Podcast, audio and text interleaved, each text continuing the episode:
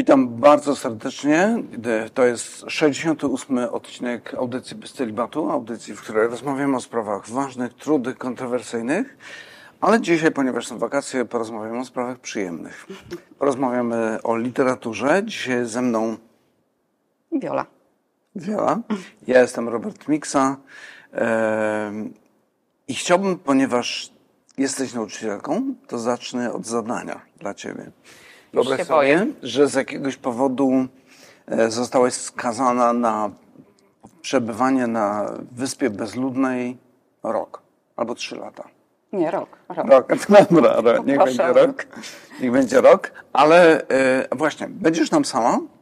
E, wyspa jest bardzo przyjemna do życia, ale właśnie, będziesz sama, e, nie będziesz miała problemu z jedzeniem, z, w ogóle z funkcjonowaniem, no ale właśnie będziesz sama, ale możesz wziąć ze sobą książki. Trzy. Jakie byś wzięła? Ale jedzenie mówisz będzie. Tak, jedzenie I będzie. jak przetrwać? Książki kucharskie nie musisz Czyli poradników nie. jak nie. przetrwać na bezludnej wyspie? Trudne pytanie. Znaczy wzięłabym Biblię, na pewno. Mhm. Natomiast tu cię rozczaruję, bo nie podam tytułów. Nie, nie potrafię podać tytułów dwóch książek, które bym wzięła. Ze wszystkich książek, autorów? które czytałam w życiu, ale powiem ci, że na pewno wzięłabym książkę, której jeszcze nie czytałam Aha. żeby się tam nie nudzić po prostu. Aha. Co więcej, wybrałabym najgrubszą, jaka wpadłaby mi w ręce, bo bałabym się, że mi nie wystarczy. E, no przez rok no, właśnie. nie wystarczy. I na pewno wzięłabym książkę, którą, w, w, trakcie której czytania jestem, bo bardzo bym chciała wiedzieć, jak się skończy. Nie? Zwłaszcza jakby to był kryminał, Aha. to bardzo bym się chciała dowiedzieć, kto zabił, więc musiałabym ją koniecznie. Czy też kryminały?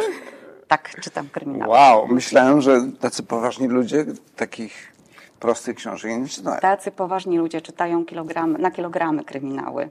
A, e, w, ogóle, okay. w ogóle kryminał e, jest bardzo ciekawym zjawiskiem, takim, okay. takim, wiesz, jeśli chodzi o gatunek, nie? Bo z jednej strony właśnie, tak jak powiedziałeś, że wydaje ci się, że poważni ludzie kryminałów nie czytają, a badania e, socjologiczne robione jeszcze w ubiegłym wieku, bo ja się tym zajmowałam pisząc pracę magisterską i sprawdzałam e, te dane, e, pokazują, że do czytania kryminałów przyznają się głównie intelektualiści no, i to ludzie no, z myślami ścisłymi, wiesz? Że lubią rozwiązywać zagadki, tak, pewnie o tak, chodzi. Myślę, mhm. że tak. Mhm. Dobra, ale powiedzmy, wróćmy do samej idei literatury jako takiej. Bo no, mam wrażenie, że nawet ci przez myśl nie przeszło, żeby w ogóle nie brać książek ze sobą skoro miałabyś tam być rok sama?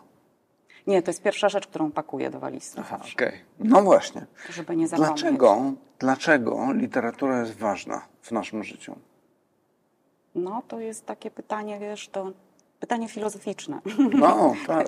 Tak my tutaj zadajemy. A on, ono, ono Jaką rolę odgrywa literatura w naszym życiu? Co nam daje? Na pewno bardzo ważną, bo myślę, że ona się pojawiła wraz z pojawieniem się człowieka tak naprawdę. Nie? Mhm. Znaczy, co prawda samo słowo literatura oznacza wszelkie teksty pisane, tak jakbyś mhm. sprawdził dostępne no tak. definicje, okay. nie? Mhm. bo tak wyprowadzając to mhm. y, z etymologii tego słowa. Natomiast tak naprawdę zanim literatura zaistniała w wersji pisanej, to ona istniała w wersji ustnej, bo y, przy, pierwszy przykład z brzegu to mity, legendy czy baśnie. Aha. Przecież one zawsze powstawały najpierw w wersji ustnej tak. i tak były przekazywane z pokolenia na pokolenie. Dopiero mm -hmm. potem, jak się pojawiło pismo, to zostały spisane. Okay, więc, czy... więc to twoje no. pytanie można byłoby rozszerzyć na pojęcie opowieści, nie? W ogóle. Mm -hmm. Dlaczego ludziom są potrzebne opowieści? Dlaczego ludzie snują opowieści? Dlaczego czytają opowieści? I tu to, jest, bym... to jest ciekawa obserwacja, bo ja bym powiedział tak, jak patrzymy na statystyki, to nie tylko polskie, ale też na świecie, no to to nie jest tak, że wszyscy czytają. Nie. Zawsze jest jakaś grupa i to duża mhm. ludzi, którzy nie czytają, ale oni posługują się opowiadaniami, tak. opowieściami. I zawsze się posługiwali. Bardziej wstecz, mhm. tym więcej mamy do czynienia z jakimś literat- znaczy z jakimiś opowiadaniami typu mity i legendy, ale części, część tych opowiadań to są opowieści prawdziwe, które rzeczywiście wydarzyły się. Ja, jakie znaczenie ma opowieść w naszym życiu? Dlaczego lubimy opowieści? Mhm. I to jest... Um, Powiedział mi jeszcze, tak patrząc z gospodarczego punktu widzenia, powiedzmy tak, kiedy patrzę na rynek powieści, powiedzmy, w, e, no w Polsce, powiedzmy, no to mamy zarówno tych, którzy piszą, jak i tych, którzy czytają. Więc jest potrzeba zarówno pisania, jak i czytania. Dlaczego? O co tu chodzi? No, wiesz co, to z, można byłoby z różnych perspektyw czy z różnych dziedzin spojrzeć na to pytanie i szukać odpowiedzi. Nie? Ja sobie myślę, że my mamy, my jesteśmy stworzeni w taki sposób, że mamy, ym, mamy po prostu gen tworzenia. Mhm. Nasz, nasz stwórca jest, y, mhm. jest osobą kreatywną, jest kreatorem. Mhm stworzył nas na swój obraz i podobieństwo i wydaje mi się, że ta potrzeba tworzenia, ona była od zawsze i ona jest w każdym, niezależnie od wykształcenia, od szerokości geograficznej. Wszyscy tworzą. Od małego, zobacz, mhm. dziecko, y, dziecko jak tylko zacznie mówić, to już tworzy. Nie mhm. tylko opowieści, historię w ogóle tworzy, ma mhm. potrzebę kreowania. My cały czas kreujemy. Nie? Tak, moje wnuki są mistrzami. W, y, w ogóle, wiesz, y, to, to, to takie pierwsze mm, właściwie jakbyś chciał podzielić świat na te dwa takie zasadnicze, na te dwie zasadnicze kategorie, jakim jest natura i kultura, nie? Mhm. To zobacz, natura jest tym, czym, to, tym, co zastaliśmy, gdy pojawiliśmy się na Ziemi, bo Bóg nas osadził w tej naturze, mhm. w świecie, który wcześniej stworzył. On jest autorem natury ale człowiek za chwilę już zaczął tworzyć kulturę mhm. i autorem kultury jest człowiek. To podobieństwo Boga w nas, które jest gdzieś tam, wydaje owoce cały czas. Tak, i e, w tworzeniu kultury zdecydowanie naśladujemy Ojca. To ciekawe, bo kiedy e, otwieramy Biblię i patrzymy na pierwsze rozdziały, mhm. no to z czym mamy do czynienia? Z opowiadaniem. Mhm. Więc jakby Pan Bóg też nas zaopatruje w pewną historię, mhm. pokazuje nam, że no, nasze życie jest częścią pewnej historii, co więcej, e, w teologii rozwinęła się w pewnym momencie tak zwana teologia biblijna, która mówi o tym, że cała księga składająca się z 66 ksiąg takich mniejszych tworzy jedną opowieść. Mhm. I to jest cała nauka, która gdzieś tam się rozwinęła. I rzeczywiście, kiedy patrzymy na, na Biblię, to ona zaczyna się w Edenie i kończy w Edenie. Więc gdzieś ten motyw początku, końca, zamknięcia tak wszystkiego taką klamrą się pojawia. Coś, co jest charakterystyczne też w literaturze się pojawia. A jakbym jeszcze chciała poszukać odpowiedzi na pytanie, dlaczego ludzie tworzą historię i dlaczego potrzebują mhm. historii gdzie indziej, nie? Na przykład w badaniach nad tym mhm. zagadnieniem, bo przecież teoria literatury jak najbardziej zajmuje się tym. Są mhm. różne szkoły, również ta szkoła psychologiczna, która bada od strony emocjonalnej i psychologicznej potrzebę tworzenia i słuchania opowieści u człowieka, to mhm. wiesz, no to sięgnijmy do, do sfery emocji. Już się mhm. mówi, że literatura mm, piękna i nadrzędną taką funkcją jest y, ta, ta funkcja emotywna, czyli działanie na mhm. nasze emocje. My potrzebujemy przeżyć, a ponieważ mamy tylko jedno życie i możemy je przeżyć w jeden określony sposób, no to obcowanie czy y, przeżywanie różnych historii daje nam możliwość życia wielokrotnego. Tak? Mhm. To jest to piękne zdanie, które Czechowicz bodajże powiedział. Kto czyta, ten żyje wielokrotnie, a kto tak. nie czyta na, jedno, na jeden żywot jest skazany. To chyba tak było. Jeśli nie, to przyjmijmy, że to jest parafraza, a nie cytat, bo mówię tak. z pamięci. Że ale, nie jestem pewien, czy autor był ten, ale, ale jest to bardzo trafne, mhm. dlatego że to tak jest, nie? Mhm. To, to, to, z tych teorii psychologicznych to mo, mo, moglibyśmy dorzucić, że dochodzi do procesu projekcji, przeżyć mhm. bohatera na nas, do procesu identyfikacji, nie? Mhm. I poprzez to my po prostu wchodzimy w e, kolejne życie i przeżywamy to życie razem z e, bohaterami historii, nie? Wiesz co, to co mówisz, to jest bardzo ciekawe. Ja e, ten cytat też pamiętam, który ty mówiłeś, że wydawało mi się, że kto inny był autorem, ale nie, nie musimy sprawdzić, głowy, bo... jasne. Mhm. Ale chodzi mi o to, że właśnie przez tworzenie jakby innego świata, innej historii, innego życia innych bohaterów. My gdzieś tam przenosimy się w ten świat mhm. i to, to rodzi we mnie takie teologiczne pytanie, mhm. skąd taka potrzeba? To znaczy, my żyjemy w świecie, który, no, w którym ciągle coś się dzieje. Jesteśmy mhm. zajęci, jesteśmy absorbowani czy sprawami do załatwienia, czy pięknem, które dociera do nas, a jednak jeszcze tworzymy inne światy. Mhm. Wiesz co, widocznie nie wystarcza nam ten świat. No właśnie. Jest jakiś głód y, czegoś innego w nas. Mhm. I ten głód prawdopodobnie powoduje, że ciągle y, szukamy, nie? Szukamy i tworzymy. Mm. Zresztą y, w historii, którą wymyślasz, możesz zrobić wszystko. Mhm. To jest e, świat, nad którym masz absolutne panowanie, nie? Tam się możesz bawić w stwórcę też, to jest ciekawe, nie? No ciekawe na ile czasami jesteśmy trochę tacy, mm, powiedziałabym, bałwochwalczy, bo to jest może wchodzenie częściowo w buty, w buty kreatora. Ym, I wiesz, yy, tak jak powiedziałam, albo jest to naśladowanie Boga, a czasami jest to może potrzeba tworzenia własnego świata, w którym będziemy absolutnymi panami i absolutnymi No władcami. Bo tam możemy wszystko. Tam, możemy, tam jesteśmy tymi, którzy mogą spowodować, że ktoś się urodzi, że ktoś umrze. Mamy całkowite panowanie nad losami naszego bohatera, nie? Tak. Jest takie ciekawe opowiadanie chyba w podręczniku do szóstej klasy, fantastyczne, gdzie autorowi wymyka się ten świat spod kontroli. I zaczyna żyć swoim własnym życiem, ale to jest jakiś fragment i nie przytoczę Jakieś ci teraz fantazy, autora. tak? Mhm, tak. Okej. To I, na e, wzoru sztucznej inteligencji chyba. musi Tak, jest to bardzo ciekawy tekst do dyskusji właśnie na, z Mhm. dziećmi na temat tego e, na, naszej, naszej chęci czy potrzeby panowania nad rzeczywistością. A my mamy taką możliwość, kiedy piszemy książkę, nie? Tak. Ciekawe. E, Wracając jeszcze na moment do, do tego, czym ciut wcześniej rozmawialiśmy, przypomina mi się C.S. Lewis, który kiedyś taki esej napisał na temat naszych potrzeb, naszych pragnień i on mówi tak, nawet najlepsze małżeństwo, najlepsze wakacje, najlepsze coś, co chciałeś sobie kupić albo zrobić, jak jesteś uczciwy ze sobą, to zobaczysz, że to nie zaspokaja twojego najgłębszego, najgłębszej potrzeby. I on, jego konkluzja później jest taka, mówi, jeżeli nie ma na tym świecie niczego, co jest w stanie zaspokoić te potrzeby, to znaczy, że jesteśmy stworzeni do innego świata. I myślę, że to jest geni- genialna obserwacja, jak to Louis potrafi to w bardzo prosty, fajny sposób powiedzieć. Zobacz, jak byliśmy dziećmi i czekaliśmy na coś, na jakieś wydarzenie, to zawsze była taka nadzieja, że to, jak już to, to się stanie, to będzie taka pełnia, nie? Tak.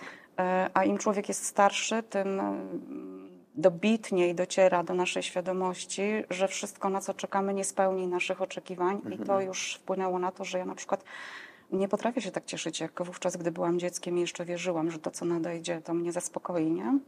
Obojętnie, czy czekam na wakacje, czy na jakieś przyjemne rzeczy, to zawsze sobie już wliczam w koszty, że na pewno będą mankamenty, bo ten świat nie jest doskonały i jeszcze nigdy w życiu nie przydarzyło mi się coś, żebym nie mogła powiedzieć jakiegoś małego ale, nie?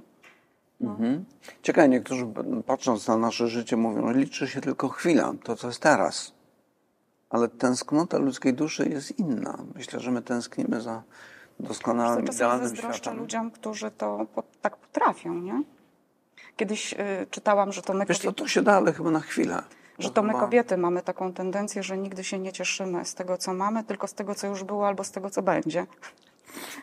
Chociaż to, co jest, też jest czymś, co kiedyś miało dopiero nadejść, albo rozumiesz, o co Niektórzy chodzi, to chciwością nazywają. nie? E, Nie wiem, czy to wynika z jakiegoś, jakiejś takiej nieumiejętności cieszenia się życiem i y, skłonności do troski i martwienia się, czy może to jest ta- cecha ogólnoludzka tak naprawdę, nie?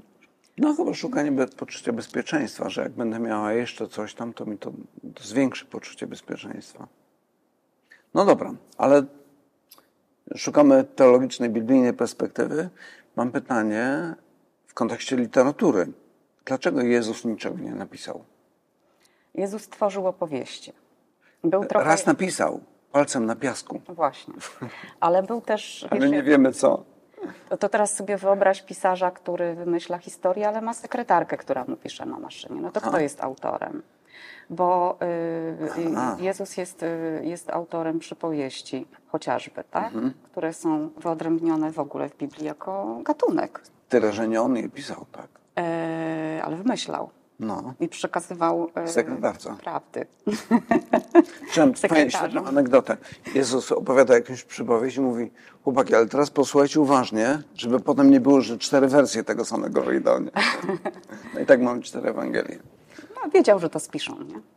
Tak, wiedział, że to spiszą, więc y, y, opowiadając tę historię już znał przyszłość i wiedział, że w, ostatecznie y, to powstanie w takiej wersji, że będzie przekazywane w formie piśmiennej. mm, Do Masz jakieś swoje przemyślenia dotyczące, jak to powiedzieć, narracji, którą Jezus prezentuje w Ewangeliach?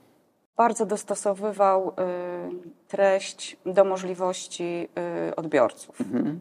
Bo zauważ, że y, historie, które opowiada, mam na myśli teraz przypowieści, mimo że niosą ze sobą takie ogól, y, y, ponadczasowe prawdy, Mhm. głęboko, znaczy ukryte gdzieś pod tym drugim dnem, tak, bo przypowieść ma kilka warstw. Ona Mhm. nigdy nie oznacza tylko tego, co jest na, na wierzchu. Ale sama fabuła, Mhm. same fabuły tych historii, które wymyślał, to one przemawiały do wyobraźni tych ludzi, bo one były albo y, o pasterzu, który zgubił owieczkę, tak? Ciekawe, mówimy o gościu, który 2000 lat temu żył na Ziemi i do dzisiaj e, niektóre jego wypowiedzi pojawiają się nawet w języku polskim, jako takie, nie wiem jak to się nazywa, Frazeologizmy. takie frazeologizmy, które Tak. właśnie Bardzo intensywnie tego uczymy w szkole i tego się, z tego się akurat bardzo cieszę. To jest Mhm. jedna z wartościowszych rzeczy w naszym programie nauczania. Znaczy dzieci się czasem zrzymają, że tego jest y, tyle, ale rzeczywiście, ponieważ frazeologizmy biblijne, zresztą mitologiczne też, o takim głęboko metaforycznym sensie funkcjonują w naszym języku. My się nimi Mhm. Daj posługujemy. Mhm. Ojejku, mnóstwo, syn marnotrawny. Sprzedałeś kogoś za 30 srebrników Aha, na przykład. Jesteś Judaszem, tak? Tak. Co jeszcze wiesz? Yy, No tak, zagubiona owieczka się Nie tam rzucaj znalazła. pereł tak? przed wieprze. Nie rzucaj pereł przed między wieprze tam chyba. Tam tak? Nie, między- przed wieprze, dobrze mówisz. Mhm. Mnóstwo tego jest, wiesz. Ja robię z tego klasówki. Oni Ciekawe. muszą wytłumaczyć, co to znaczy. Ciekawe. To znaczy wytłumaczyć metaforyczne znaczenie tego frazeologizmu podanego i podać mi źródło, bo, y, bo są zarówno biblijne, jak i mitologiczne, nie? I rozpoznają, uczą się tego, uczą się rozpoznawania, co pochodzi z Biblii, co pochodzi Tak. z mitologii, a co jest na przykład historyczne, na przykład koń, koń spartański, czy spartańskie wychowanie, to też są Tak, frazeologizmy, tak, nie? tylko że już spoza Biblii. Mhm. Kiedyś słuchałem e, wystąpienia Jordana Petersona i akurat na temat Biblii się wypowiadał i to było strasznie ciekawe, ponieważ on akurat był po wizycie w Instytucie Biblijnym, czy Muzeum Biblii, tak to się nazywa, w Waszyngtonie. Olbrzymie, olbrzymie muzeum, Mhm. bardzo blisko kongresu, e, gdzieś tam zlokalizowane.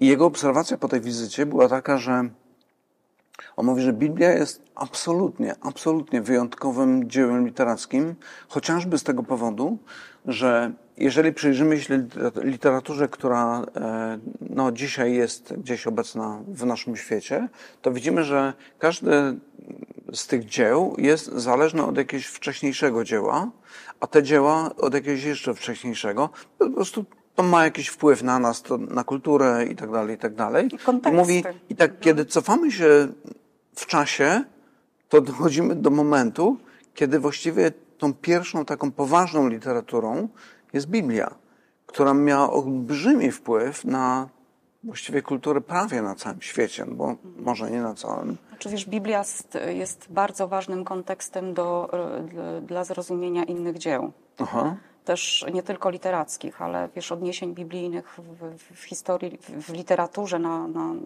w całej historii literatury jest mnóstwo.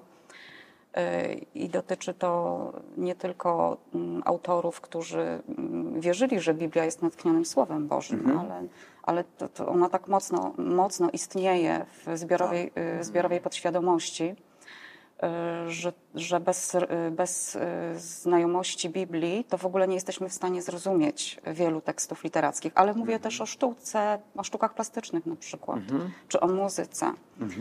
To, to, te- tego rozumienia kontekstu i znaczenia kontekstu też uczymy już tak od mniej więcej 13-14 roku życia. To jest wypracowywane w polskiej szkole. Ludzie często tego nie, nawet nie wiedzą, bo im się polski to nie wiem z czym kojarzy, z rozbiorami zdań na tablicy, nie? Tymczasem większość na przykład mojej energii na lekcjach y, jest pożytkowana na to, żeby uczyć ich rozumienia takich pojęć. Nie tylko, że nauczenia się definicji, ale mentalnego y, wejścia w pojęcie kontekstu, tak? Każdego, w tym biblijnego. Mamy zresztą mnóstwo ciekawego materiału, na przykład mamy obrazy, wiesz, Petera, y, tam chyba to jest chyba Petera Bruegla, y, tak, taki bardzo symboliczny obraz przedstawiający powrót syna marnotrawnego do domu. No, jest sporo. I żeby to zrozumieć w ogóle, to trzeba się odnieść do historii biblijnej, nie? Mhm. Także tych przykładów to wiesz, mogłabym ci po prostu sypać z Ciekawe. rękawa. Naprawdę. Jeszcze e, a propos e, Jezusa i tego pytania o to, Mhm. dlaczego niczego nie napisał. Em, Kiedyś ktoś zwrócił uwagę na to, mówi tak. Ale przecież jeżeli wierzymy w trójosobowego Boga, Boga, który jest jeden, ale w trzech osobach, no to on tak samo jest autorem całej Biblii. Mhm. To nie jest tak, że on nie zna tego i dopiero jak się urodził, to przeczytał i mówi, ale ciekawa książka, nie? No przecież on stoi za powstaniem Biblii, więc on jest, więc to, to jakby też pokazuje nam Boga, który dostarcza nam pewnej historii, a właściwie to jest, tak naprawdę to jest historia z pewną interpretacją tych dziełów, nie? Że to nie jest taki, nie wiem, matematyczny albo księgowy zapis tego, co się wydarzyło, wydarzenie po wydarzeniu, ale mamy też interpretację tego, mamy sama kolejność ułożenia tych wydarzeń, jakby coś chce nam powiedzieć. Mhm. I kiedy patrzymy na Stary Testament, no to widzimy ewidentnie, że jest sporo wydarzeń starotestamentowych, które zapowiadają to, co ma się wydarzyć w Nowym Testamencie. Mhm. Więc pod tym względem to można powiedzieć, że to jest arcydzieło, tyle że mówimy o księdze, która powstawała przez kilkaset lat, i właściwie tworzy jedną całość. Pomimo tego, że ma różnych autorów, różne miejsca powstania, różna tematyka, różne historie, no ale to jest właśnie Biblia. Mistrzostwo świata, można mm, powiedzieć. Wiesz co, tak e, a propos funkcji literatury, to e, chyba też Arystoteles już pisał, że literatura jest dla człowieka też sposobem na poznawanie rzeczywistości, nie? Mhm. Mm, zarówno wymyślanie, jak i czytanie historii. I to ciekawe, dotyczy to też literatury fabularnej, czyli beletrystyki. Nie? Ja nie mówię tylko o e, tekstach użytko, o takich tekstach informacyjnych, nie? że powiesz, literatura to może być e, też poradnik czy encyklopedia. Nie mówię o poznawaniu rzeczywistości poprzez literaturę rozumianą teraz jako podręcznik i tekst informacyjny, ale ja myślę, że literatura piękna też jest dla człowieka sposobem na poznawanie rzeczywistości, na dowiadywanie się różnych rzeczy, których wcześniej nie wiedział, nie rozumiał, nie przeżył. Tak? Potrafisz sobie wyobrazić życie człowieka, który yy, nie czyta, powiedzmy, że jest analfabetą, dlatego nie czyta, nie? Pomimo, że są książki, to on nie czyta ale też nie interesuje się w ogóle historią. To jak ktoś opowiada, co tam kiedyś miało miejsce, to w ogóle nie interesuje. Jego interesuje tylko to, co jest teraz. Jaki wpływ ma nieczytanie albo nie korzystanie z tych wszystkich opowieści z dawnych czasów na, na rozwój człowieka? Wiesz co, zawsze wejdzie coś w zamian, nie? Nie, nie, nie jestem w stanie sobie wyobrazić, że ktoś, y, to, to w ogóle to musiałaby być osoba, która całkowicie wy, wyłączy myślenie, to znaczy gdzieś tam ma pustą głowę kompletnie, nie? Czyli nie jest człowiekiem tak naprawdę. Bo nie, no powiedzmy, jakiś... że jest osobą techniczną, no wybitnie tak, techniczną ale i ona, myśli tylko Ale on, ma, on też ma kontakt z, z innymi ludźmi. No. Rozmawialiśmy trochę w samochodzie, że przecież że przecież opowieści to nie tylko książki. Mhm. Współczesnemu człowiekowi na przykład książkę wyprze fabularna gra mhm. komputerowa, tak? Film, y, mhm. obraz. Często to jest rozmowa z drugim człowiekiem. Mhm. Y, jak, jak, zacząłeś to pytanie teraz sformułować, to jeszcze nie byłam pewna, w jakim kierunku zmierzasz. Ale pierwsze, co mi przyszło do głowy, to taki prosty taki motyw y, tak zwanego wiejskiego głupka. Przepraszam za Aha. określenie, ale pod tym pojęciem głupka często można odkryć y, takiego domorosłego filozofa wiejskiego, mhm. który właśnie nie potrafi czytać, nie potrafi pisać. Y, jest uważany za osobę na przykład upośledzoną umysłowo przez całą społeczność, więc podlega też pewnemu ostracyzmowi, czy jest odrzucony przez grupę. Y, mamy reżyserów, którzy wyszukiwali takich, Kolski się tym zajmował, on mhm. jeździł po wsiach i szukał takich ludzi, tak, ponieważ tak, byli tak. dla niego natchnieniem mhm. Y, do robienia filmów na ten temat, mhm. Y, bardzo ciekawych zresztą. I, I co, ten człowiek siedział i miał pustkę w głowie? Nie, to są ludzie, którzy siedzą na progu domu, nie mają mhm. nawet specjalnej pracy do wykonania, bo nie powierza się im jakichś wielkich zadań, mhm. ale oni obserwując naturę, to pod wpływem listka, y, który jest poruszany przez wiatr, mhm. Y, są w stanie y, w swojej głowie tworzyć sobie obrazy, historie, nie? To jest ciekawe, nie? Mhm. No. Sk skończysz? Bo przy, przyszedł mi do głowy przykład jednej kobiety. Kiedyś w czasie wakacji wziąłem sobie e, książkę to, napisaną przez, nazywa się Helen Keller. E, dziewczynka, która urodziła się... Nie od Timotiego. Nie. Nic wspólnego z nim. To, to jest e, początek XX wieku. Mhm. Urodziło się jako niewidoma, e, niesłysząca, mhm i w pewnym momencie ona coś tam na początku mówiła, potem przestała mówić. Jeżeli dobrze, w każdym razie te trzy cechy bardzo wcześnie uwidoczniły się. Czyli wyobraź sobie osobę, która ma ciemno, nie widzi nic, nie słyszy niczego e, i nie jest w stanie się porozumiewać. W pewnym momencie, ponieważ ta rodzina była dość zamożna, oni wynajęli, to był taki moment, kiedy roz, zaczęła się rozwijać e, w pedagogice czy psychologii e, takie próby dotarcia do tego rodzaju dzieciaków, więc za pomocą dotyków na dłoni mhm. wypracowano pewien sposób komunikacji. Mhm. I e, oglądałem, nawet na YouTubie są jej filmy, e, znaczy filmy z nią, kiedy ona przemawia publicznie już jako dorosła osoba 60-paroletnia. Więc coś niesamowitego. Ale do, do czego zmierzam? Chodzi mi o to, że w momencie, kiedy pojawiła się w jej życiu nauczycielka, której udało się nawiązać kontakt z nią właśnie za pomocą tych znaków e, wypisywanych na dłoni. Zaczęły rozmawiać. Na początku były bardzo proste rozmowy, bardzo, bardzo takie bardzo minimalistyczne. E, z czasem coraz bardziej rozbudowane i okazało się, że to jest szalenie inteligentna kobieta. I w pewnym momencie ona, ta jej nau nauczycielka mówi, no uznałam, że trzeba jej powiedzieć o kimś takim jak Bóg. Mhm. I zaczęła rozmawiać z nią o tym, komunikować jej to, i jej reakcja była taka: Zawsze myślałam, że musi być ktoś taki. Mhm. I to jest niesamowite, bo mamy człowieka, który jakby jest odcięty od kultury, od świata, ma minimalną ilość bodźców, które gdzieś tam docierają do niego, a jednak ten świat wewnętrzny gdzieś się toczy, coś się tam dzieje.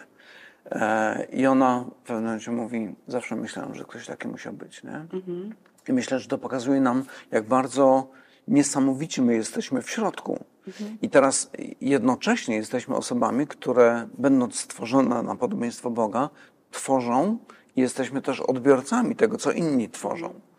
Więc teraz się pojawia coś, co nazwałbym takim no, życiem wewnętrznym, w które ktoś może zaopatrywać nas w jakiś materiał, mhm. Który staje się pożywką dla nas mhm. i i tu się rodzi moje kolejne pytanie związane z zagrożeniami, zagrożeniami związanymi z czytaniem, mhm. albo w ogóle z opowieściami, mhm. które pojawiają się w naszym życiu. Jak to widzisz?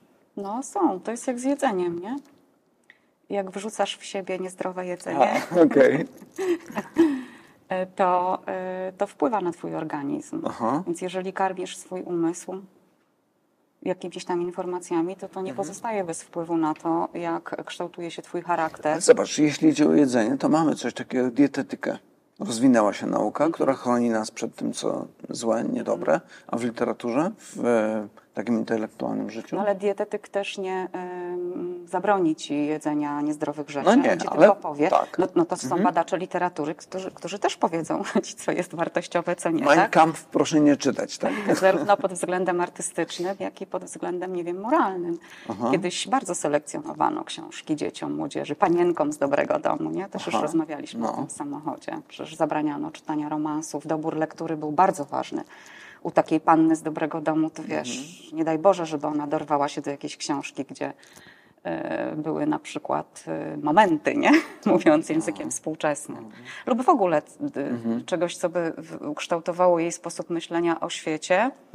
E, inaczej niż życzyliby sobie ci, którzy ją wychowywali. Więc oczywiście, że tak. Wiesz, książki mają ogromny wpływ na, na to, no jak właśnie, czytamy. Czy bo zobacz, czy to znaczy, że pisarze mają wpływ na... Mają kulturę, na mają. społeczeństwo, na politykę? Oczywiście, że mają. Oczywiście, że mają i... Mm, Przypomniał mi się, przepraszam, Załański, no. że on grał w filmie prezydenta. I teraz bum, zostaje prezydentem. Mhm. No pewnie, że mają. Wiesz, wszystko, co y, pakujemy sobie do głowy, ma jakiś tam wpływ na nas, nie? Oczywiście mamy mm, większe lub mniejsze mechanizmy obronne, zdolność y, do oceny krytycznej, do selekcji tego materiału, który do nas dociera, ale podlegamy y, wpływowi tekstów. Nie? Mhm. Tekst zawsze jest y, komunikatem. Nawet literatura piękna. Wiesz, że ona się bardzo dobrze wpisuje w ten schemat komunikacji Jakobsona, nie? nawet znany wszystkim. Masz nadawcę, masz odbiorcę, masz kod, mhm. masz konkretny mhm. komunikat, kontekst. Przypomniał mi się taki cytat, wydaje mi się, że to jest Dostojewskiego i nie pamiętam go dosłownie, ale pamiętam ideę, która za tym stała. E, mniej więcej to brzmiało jakoś tak, że najpierw życie, było wzorem dla literatury, która powstawała opisując to życie. Później literatura stała się wzorem dla życia. A później jeszcze, czy nie, on to zapowiadał chyba, że tak będzie.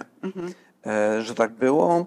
E, Później literatura staje się wzorem dla naszego życia, a później literatura staje się źródłem systemu wartości nawet dla człowieka. I to, e, to z jednej strony jest ciekawe, bo to daje pewne możliwości komunikowania tych pozytywnych treści, ale z drugiej strony też negatywnych.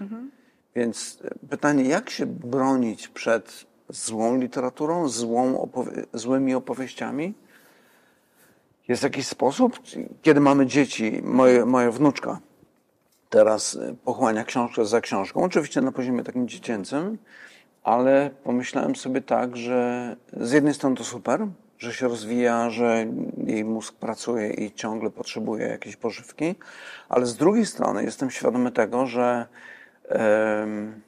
no powiedziałem tak nawet, że nie wszyscy autorzy są uczciwi. To znaczy chodzi mi o to w tym sensie takim filozoficznym, że niektórzy w swoich książkach i opowieściach zakłamują rzeczywistość, opisując ją w sposób, który jest nieprawdziwy. I teraz zastanawiam się, co można zrobić, żeby chronić nasze dzieci na przykład, czy nasze wnuki w moim przypadku. Powiedzmy, teraz to jeszcze nie jest tak źle, ale co będzie za jakiś czas? I teraz przypomina mi się jeszcze jeden przykład.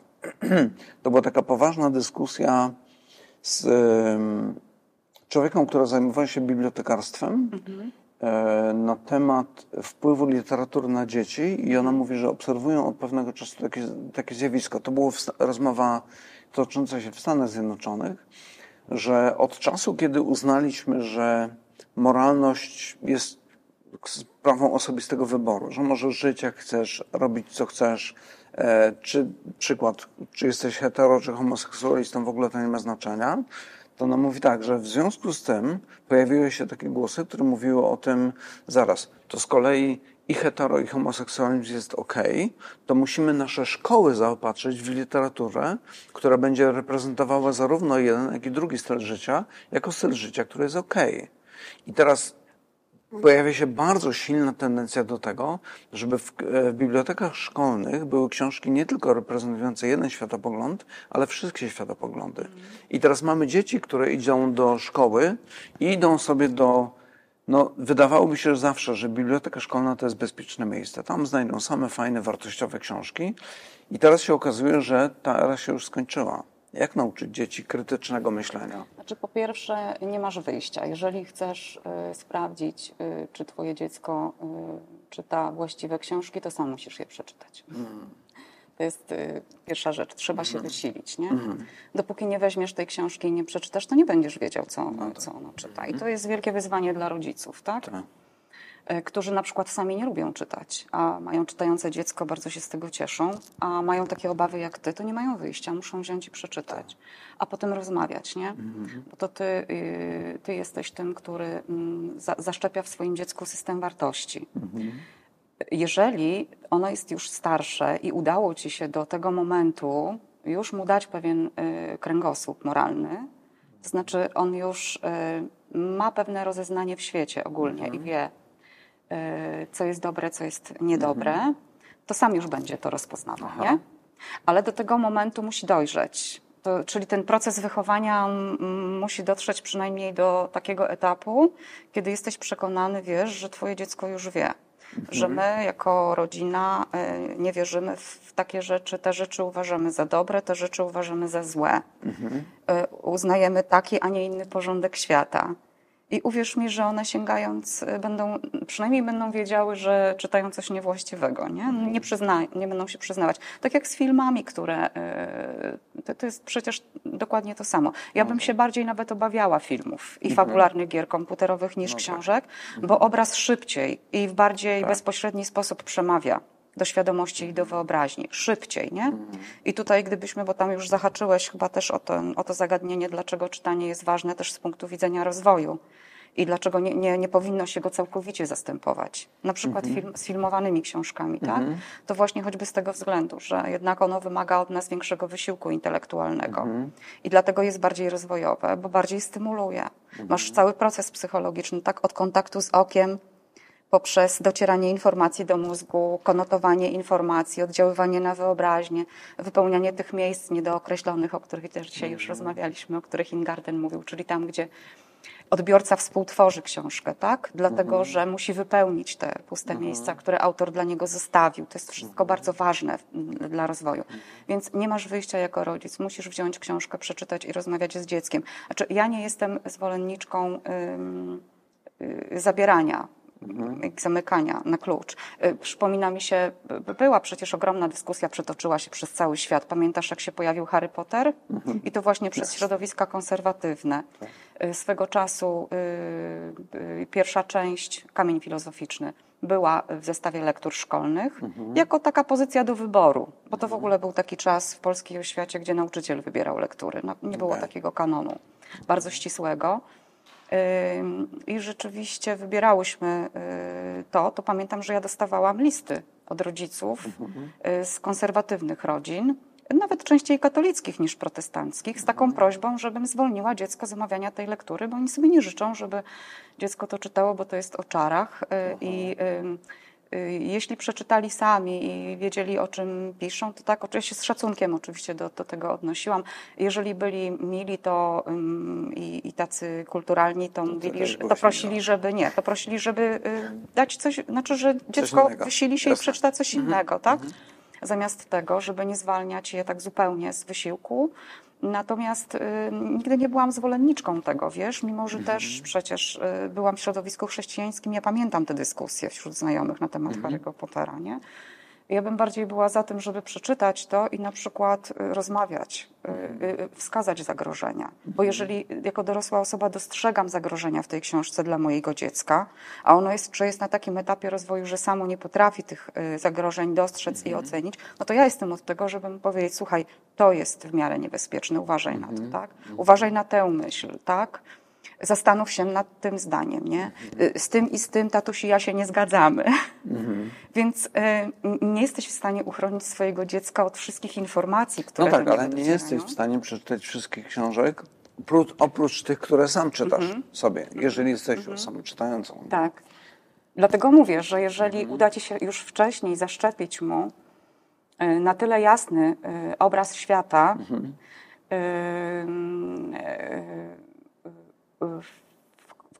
no, mam na myśli świata wartości, mhm. no to wtedy możesz być spokojny, mhm. bo y, ono będzie samo rozróżniało te rzeczy mhm. i nie wiem, modlić się, żeby nie uległo manipulacji, bo jeżeli, mhm. jeżeli trafi na historie, na opowieści, które będą tak dobrze napisane, no to może się okazać, że będą miały na niego większy wpływ niż, silniejszy tak. wpływ niż ty jako ojciec, nie? I przebiją się do jego mhm. świadomości, czy przekonają go, nie?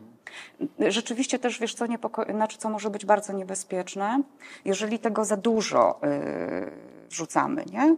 Bo to, wiesz, to jest na tej zasadzie, że kłamstwo y, często powtarzane staje się prawdą. Moglibyśmy to odnieść do, yy, do literatury czy do opowieści. Jeżeli ono będzie ciągle czytało, mhm że czarne jest białe, a białe jest czarne, to ono w końcu y, tak zacznie postrzegać świat i w końcu zacznie w to wierzyć.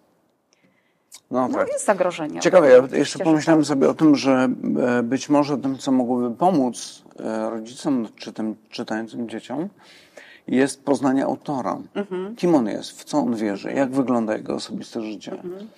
E, I tu kilka przykładów mi przychodzi do głowy. Jednym z takich, powiedzmy, tam świat filozofii Jean-Jacques Rousseau, człowiek, którym zachwycają się wszyscy oświeceniowcy i ci, którzy hołdują jego ideą. Ten od Emila, tak? Emil, Emil w ogrodzie. E, takich książek tak. pokazujących. Gdybyśmy poznali jego życie osobiste, mhm. to jak on traktował swoją rodzinę, swoje dzieci szczególnie, to myślę, że on jakby nie ma prawa wchodzić na salony. Mówię przenośnie oczywiście, w tym sensie, że człowiek, którego osobiste życie kompletnie go dyskredytuje. Człowiek, to jest człowiek, który oddał, kiedy rodziły się jego dzieci, on je oddawał do sierocińca, ponieważ one przeszkadzały mu w karierze politycznej. Mhm. Nie? Więc myślę sobie, no jak zaufać takiemu człowiekowi, nie? Pamiętam kiedyś też przyszedł do mnie taki człowiek z, z głową pełną najdziwaczniejszych poglądów i ja mówię do niego jakby tą samą metodą posługując się, mówię, kim są to osoby, które mówią ci te rzeczy? Dlaczego im ufasz? Jak wygląda ich osobiste życie? Jak oni traktują swoje dzieci, swoje żony, swój dom? Czy naprawdę możesz mieć do nich zaufanie? I on mówi, wiesz co, nie wiem. I myślę sobie, że to może być jednym z takich kryteriów, które, na które warto zwracać uwagę, że jeżeli mamy do czynienia z ludźmi niewiarygodnymi od tej strony osobistego życia, to z dużym znakiem zapytania trzeba traktować, e, czy z dużą No to podejrzliwością. powinniśmy zakazać prawie wszystkich lektur szkolnych. Nie, czytać jest, na- czytać jest e, dużą. Bo jak spojrzę na, wiesz, na życie naszych wielkich, Aha. No, na przykład romantyków, tak. to strach się bać. Nie? No. E, Ale wiesz, to, to masz rację i myślę, jakby wniosek z tego jest taki, trzeba czytać to krytycznie. Mhm. Ale drugi przykład jeszcze, który chciałbym dać, to jest bardzo e, popularna w pewnym momencie książka Hata. Mhm. E, Książka i film. Ja akurat na książkę nie miałem czasu, bo jakoś wiedziałem, że to mniej więcej jest to, na co mi szkoda czasu. Czytałam. To poszedłem do kina. Obejrzałem ten film i pomyślałem sobie, em, fakt, że ja wiem, że poglądy autora tej książki to są poglądy uniwersalistyczne, czyli wszyscy jesteśmy Bożymi dziećmi, wszyscy trafimy do nieba, e, Pan Bóg pojawia się na całym świecie pod różnymi postaciami, to fakt, że ja wiedziałem o tym, sprawiło, że od razu byłem w stanie wyławiać te rzeczy w, w filmie, które się pojawiały, ale w rozmowach z, z wieloma wierzącymi ludźmi, osobami, które deklarują się jako świadomi chrześcijanie, oni czytają książkę albo oglądają film i mówią fajna, fajna książka, fajny film. Taka, taka budująca, zachęcająca, taka chrześcijańska. I ja wtedy zaczynam rozmawiać z nimi, mówię, a zwróciłeś uwagę na to, na to, na to, na to. I przez to, że one nie wiedziały, kim jest ten człowiek, który napisał tą książkę, czy później e, w oparciu o nią powstał film, to one nie zauważały tego. W momencie, kiedy wiemy to, jest dużo łatwiej. No tak, ja myślę, że światopogląd autora wpływa bardzo na kreowanie tego świata przedstawionego w utworze, nie? Mhm. I też na pokazywane tam, przedstawiane tam jakieś tezy, bo nie chcę już teraz używać słowa prawdy, tylko po prostu poglądy, No tak, tezy. oczywiście. Natomiast y, y, y, y, rzeczywiście masz rację, że istotną rzeczą jest poznawanie autorów. Mhm. Ja, ja zawsze sprawdzam y, sobie, nawet z ciekawości, ciekawość mnie po prostu Mhm. prowadzi do tego, żeby sobie y, nawet wygooglować dzisiaj. Tak, tak, tak. wpisujesz No, mniej nie? więcej wiesz. Y, I wtedy też y, zupełnie inne światło to rzuca na y, lekturę Mhm. Tak. niekiedy. Tak.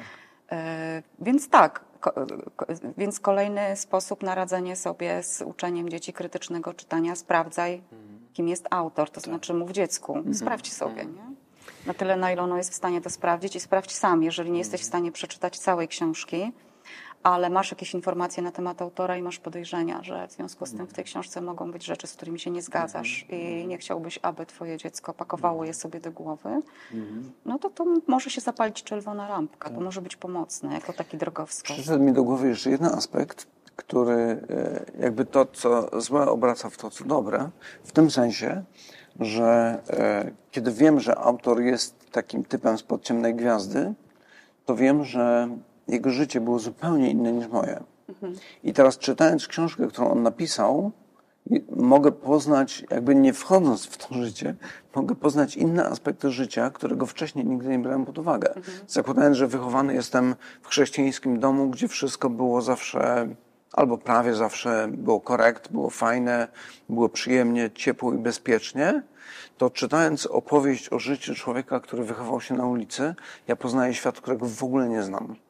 Nie? I w ten sposób horyzonty mojego myślenia się rozszerzają też, nie? Ale ponieważ wiem, kim on jest i wiem, jaka jest różnica między nami, skąd ta różnica się bierze, to jestem w stanie e, czytać to z pewnym dystansem jednocześnie korzystając z tego. Wiesz, my rozmawiamy o dzieciach, a na ile dorosły człowiek, Tak. Kiedy czyta lub ogląda, Mhm. tak, jest w stanie wychwycić, yy, czy podejść, podejść krytycznie do tego, co czyta i nie ulec też pewnym yy, sugestiom, yy, pewnemu wpływowi, tak, Mhm. czegoś, na, na, nawet y, na poziomie zmysłów, bo y, książki mogą działać na nasze zmysły, mogą pobudzać naszą wyobraźnię No do, jest. do, wie, wiesz w jaki sposób, nie? E, ale wiesz co, jedna rzecz jeszcze mnie tak e, dręczy a propos tego autorytetu pisarza, o którym teraz mhm. rozmawiamy, czy tego na ile właśnie mhm. E, pisarz powinien być autorytetem, żeby w ogóle mieć prawo wypowiadania się mhm. w, w, książkach, tak? Bo zauważ, że mm, to nie jest tak, że mm, to, że ktoś w swoim realnym życiu błądził, to jeszcze nie znaczy, że on nie ma nic mądrego do powiedzenia w książce na przykład, nie? Mm, okay. też, te, też teraz y, wiesz, że sobie zrobiłam wakacje z Dostojewskim, więc y, teraz mi cały czas przychodzi do mhm. głowy, czy to, że Dostojewski był hazardzistą mm-hmm. i zupełnie sobie z tym nałogiem nie radził, że zniszczył życie swojej żonie i tak dalej. Czy to mhm. znaczy, że, bo tak mówiłeś o no. so, tak? Czy to znaczy, że ja... Znaczy, a ja go cytowałem. Czy to znaczy, że wszystko, co ma do powiedzenia na temat jest dylematów moralnych, jest, zbrodni tak. i karze jest głupie albo tak, złe? Nie? Tak, nie, bo on ma swoje przemyślenia, on miał swoje tak. słabości. Mhm. E, wiele można byłoby mu zarzucić jako człowiekowi, ale to mhm. nie znaczy, że wszystko, o czym pisze, bo to często może wynikać z jego osobistego doświadczenia, również tego negatywnego, i on może mieć mhm. całkiem e, tak. ciekawe przemyślenia. E, mimo tego, że sam w życiu sobie z tymi rzeczami nie radził, nie? Mm -hmm. To ba bardzo często tak jest, że do tak. powiedzenia mamy mądre rzeczy i możemy je spisać w postaci książki, tak, tak, tak. ale nie będziemy żyli według y, tego samego obrazu, nie? Myślę sobie, że jest jeszcze jeden aspekt, y, też związany z tym, o czym mówimy teraz, ale jeszcze z paroma innymi wątkami. Chodzi mi o wielość literatury. Mhm. Że teraz kiedy książek jest tak dużo, są tak powszechne, tak dostępne, i tak samo bym powiedział, dostęp w ogóle do informacji mhm. jako takiej, dostęp do najróżniejszych historii, to nagle Biblia, która kiedyś była absolutnie wyjątkową księgą i no, ona jest bestsellerem, po prostu w, w ogóle nieporównywalnie z wszelkimi innymi książkami, to nagle Biblia staje się jedną z wielu książek. Mhm. E, Bóg biblijny staje się jednym z wielu innych bogów, którzy pojawiają się na świecie.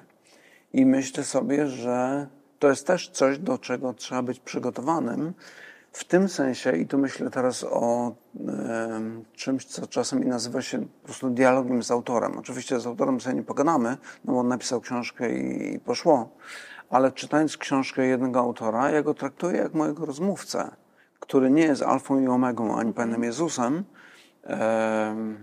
ale jest jedną z osób, z którą rozmawiam, a potem biorę inną książkę, czy innego rozmówcę i rozmawiam, e, czytam jego poglądy, porównuję z jeszcze innymi poglądami. I to chyba też jest taki element, jeżeli chcemy krytycznie podchodzić do literatury, to powinniśmy czytać więcej niż tylko jedną książkę. Bo to są obserwacje wykładowców z wyższych uczelni. Najmądrzejsi studenci to są zawsze ci z pierwszego roku którzy przeczytali dwie, trzy książki na jakiś temat, już im się wydaje, że wszystko wiedzą i wiedzą lepiej niż profesor. Nie? No to się nazywa horyzont oczekiwań w badaniach nad Aha. odbiorem literatury. Im więcej mhm. czytasz, tym masz szerszy horyzont oczekiwań. Mhm. E, horyzont oczekiwań u czytelnika jest e, określany przez e, ilość przeczytanych książek. Mhm. Można to odnieść też do innych dziedzin, sztuki i nauki i tak dalej. Nie? Zobacz, mhm. Osoba, która mm, niewiele w życiu poznała, ma niskie oczekiwania. Osoba, która zawsze słuchała tylko disco polo, nigdy nie doceni Chopina, albo przynajmniej nie będzie chciała spędzać czasu mm. na słuchaniu mm. Chopina. Ale osoba, która której, y, której to zaszczepiono, to jej wzrósł horyzont oczekiwań i ona nie poprzestanie. Zobacz, ja, ja uwielbiam y, kryminały i sięgam po literaturę masową jak najbardziej. Mm-hmm. Zresztą mówiłam Ci, że w ramach studiów to zajmowałam się również, e, ale od strony teoretyczno-literackiej, bo myśmy tam się akurat zajmowali e, odbiorcą wirtualnym. To, to nie miało nic wspólnego z komputerami, bo w badaniach mhm. E, teoretyczno-literackich to jest odbiorca wpisany w tekst, mhm. założony w głowie przez mhm. autora. To zawsze taki jest. Tak, Nawet jak tak. udajesz, że piszesz do szuflady, to i tak w głowie masz zawsze jakąś wizję jakiegoś odbiorcy, który kiedyś po to sięgnie i będzie to czytał, nie? Ale zobacz, mimo tego, że czytam literaturę masową, to ja nie potrafię na tym poprzestać, bo mi to nie wystarcza. Tak? Mhm. Y, tak jak y, osoba, która zasmakowała bardzo dobrej kuchni, mhm. nie, nie, nie, nie będzie w stanie żywić się już tylko fast foodami. No tak. Nie da rady, mhm. nie?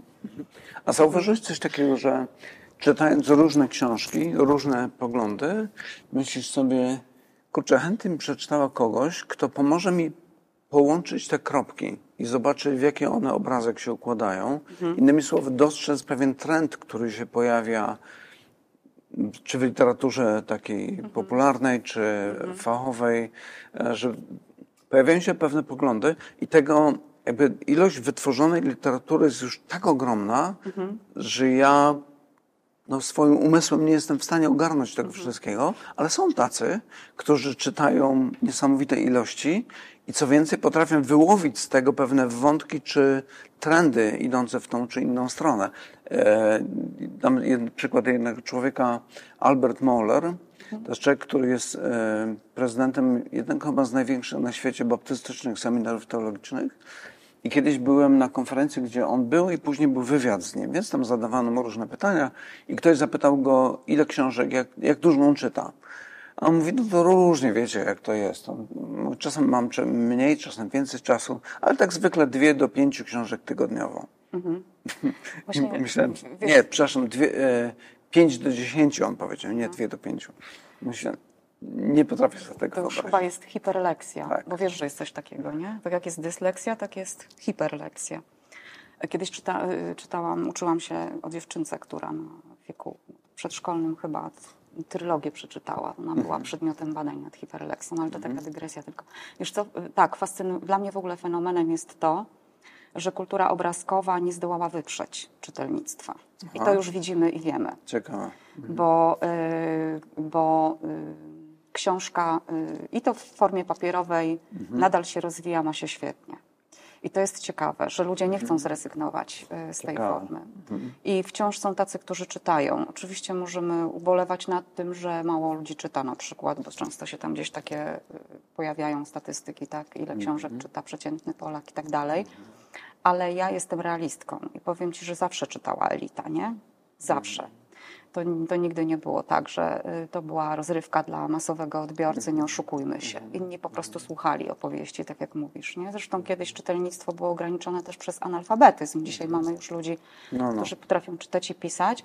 Są tacy, którzy rzeczywiście w ogóle nie czytają, nie mają takiej potrzeby, mają inne mm. sposoby na wypełnianie sobie czasu i na zapełnianie sobie głowy. O tym już mówiliśmy. Tak, tak, tak ale nadal są tacy, którzy czytają, też wśród dzieci. Jest... Wracając do mojego pytania, y, masz jakichś takich autorów, których lubisz, ponieważ oni pomagają ci łączyć te kropki, Mm-mm. E, te trendy?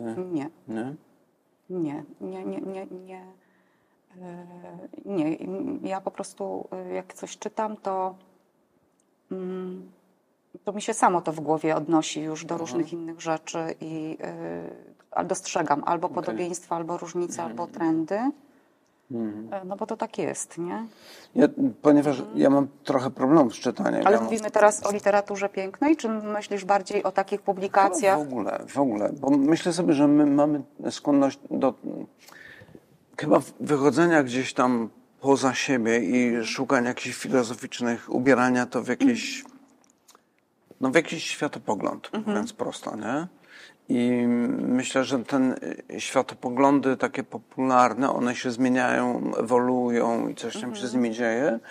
I myślę, że, znaczy ja bardzo lubię e, sięgać do takich autorów, którzy pomagają mi to dostrzegać, rzeczy, których ja nie widzę, ponieważ no, ja mam problem z czytaniem, mam trochę dysleksję.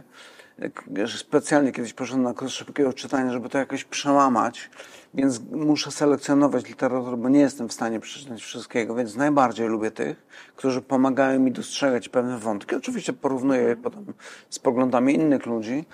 I takim człowiekiem był na przykład Francis Schaeffer. To mhm. był człowiek, który czytał głównie literaturę taką masową, mhm. szczególnie magazyny, mhm. e, książki popularne i on właśnie wychwytywał te główne myśli i pokazywał, w którą stronę świat zmierza, w którą Aha. stronę no, zwierza E, myśl ludzka i jakie są zagrożenia i pokazywał to i też potrafił to zestawić ze światopoglądem biblijnym.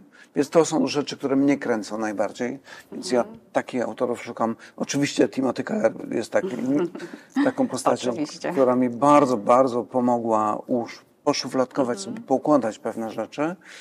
No tak, e, no ale można... niestety pan zmarł, więc... No, bo można na podstawie y, literatury danej epoki, stworzyć obraz tej epoki, stworzyć jej ducha Tak. na wszystkich y, poziomach i na poziomie światopoglądu i filozofii i ludzkich lęków i y, jak najbardziej. No wiesz, no to, to, to, to y, pokazujemy też, y, mm, znaczy to, to pokazuje historia literatury z kolei. Nie? Zobacz, że wszystko, co się działo y, w, y, w, w filozofii, to potem przekładało się na to, co pokazywała literatura, albo odwrotnie, nie? że można poprzez literaturę e, e, d- dotrzeć do tego, jakie poglądy filozoficzne dominowały w danej epoce.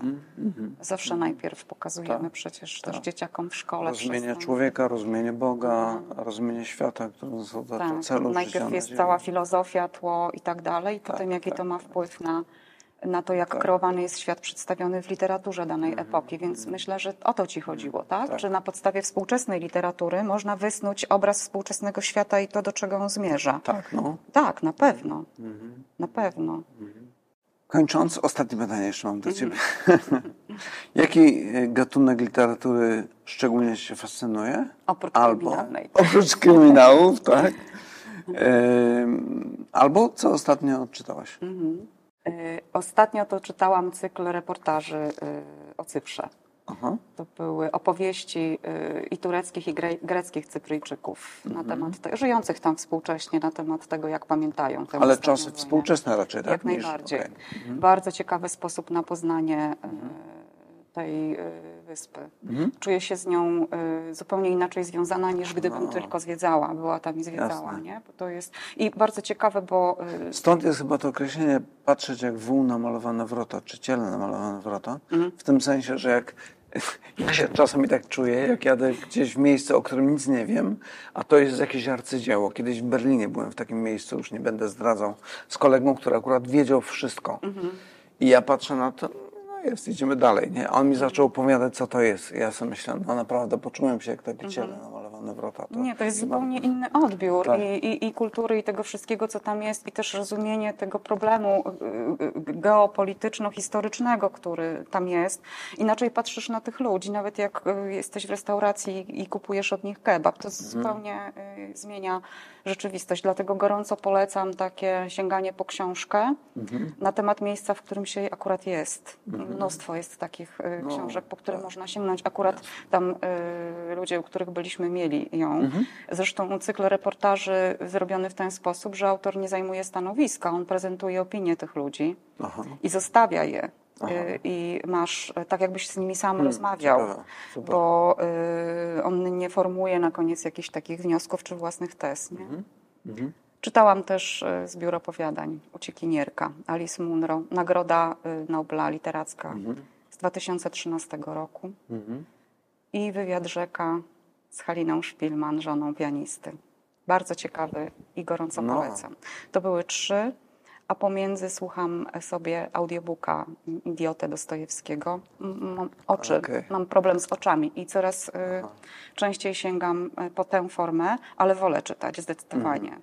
Mimo, że y, akurat Idiota jest w interpretacji, doskonałej interpretacji Przoniaka, Wojciecha Przoniaka. Mm, okej. Więc słucha się świetnie i też polecam. A mogę Cię zapytać jeszcze jedną rzecz. Jak często wracasz do Biblii? Codziennie. Wow. Dlaczego? Mm, Bo tam jest taki azymut, Aha. wiesz, taki kierunek i y, to po pierwsze mm, daje pewien pryzmat, przez który możesz spojrzeć na wszystko inne, nie? Mm, e, Wtedy jesteś mniej zagrożony tym y, wpływem y, innej literatury na siebie, to po pierwsze, nie? Po drugie, wiesz co, czytam albo słucham, bo mnie to y, napełnia Bożym Słowem, uspokaja. O- Ostatnio słucham też y, psalmów i też audiobooków właśnie. Szukam, ale muszę przyznać, że nie ma zbyt wielu y, Dobrej interpretacji. tak, takich głosowych. Tak. Naprawdę. Y, I gdzieś tutaj jest pole do działania. Dobra, musimy kończyć. Przegadaliśmy dość sporo czasu. I Wiola, bardzo Ci dziękuję za tę rozmowę. Myślę, że Ja była też ciekawa, dziękuję. inspirująca. I a naszych słuchaczy zachęcamy do czytania, ale ciągłego wracania do Biblii, ponieważ tak wiele powiedziała, tam jest azymut. Tak. Tak, tam, mam, tam jest pewien standard, który wierzymy, że ma boskie pochodzenie i e, no, ma wpływ niebagatelny i chyba największy na nasze życie, na nasz sposób myślenia. A całe nasze życie zaczyna się od tego, co dzieje się w naszej głowie czy w naszym sercu, jakbyśmy powiedzieli językiem biblijnym. Więc zachęcamy do, do szczególnie Biblii, ale no, przez pryzmat Biblii czytanie też innej literatury po to, żeby rozwijać się i poznawać inne perspektywy. Dziękujemy za to, że byliście z nami. E, Zachęcamy do komentowania. Napiszcie, co czytacie, jaki rodzaj literatury Was pociąga i dlaczego. E, Może wywiąże się jakaś fajna rozmowa. Do zobaczenia za tydzień, mam nadzieję.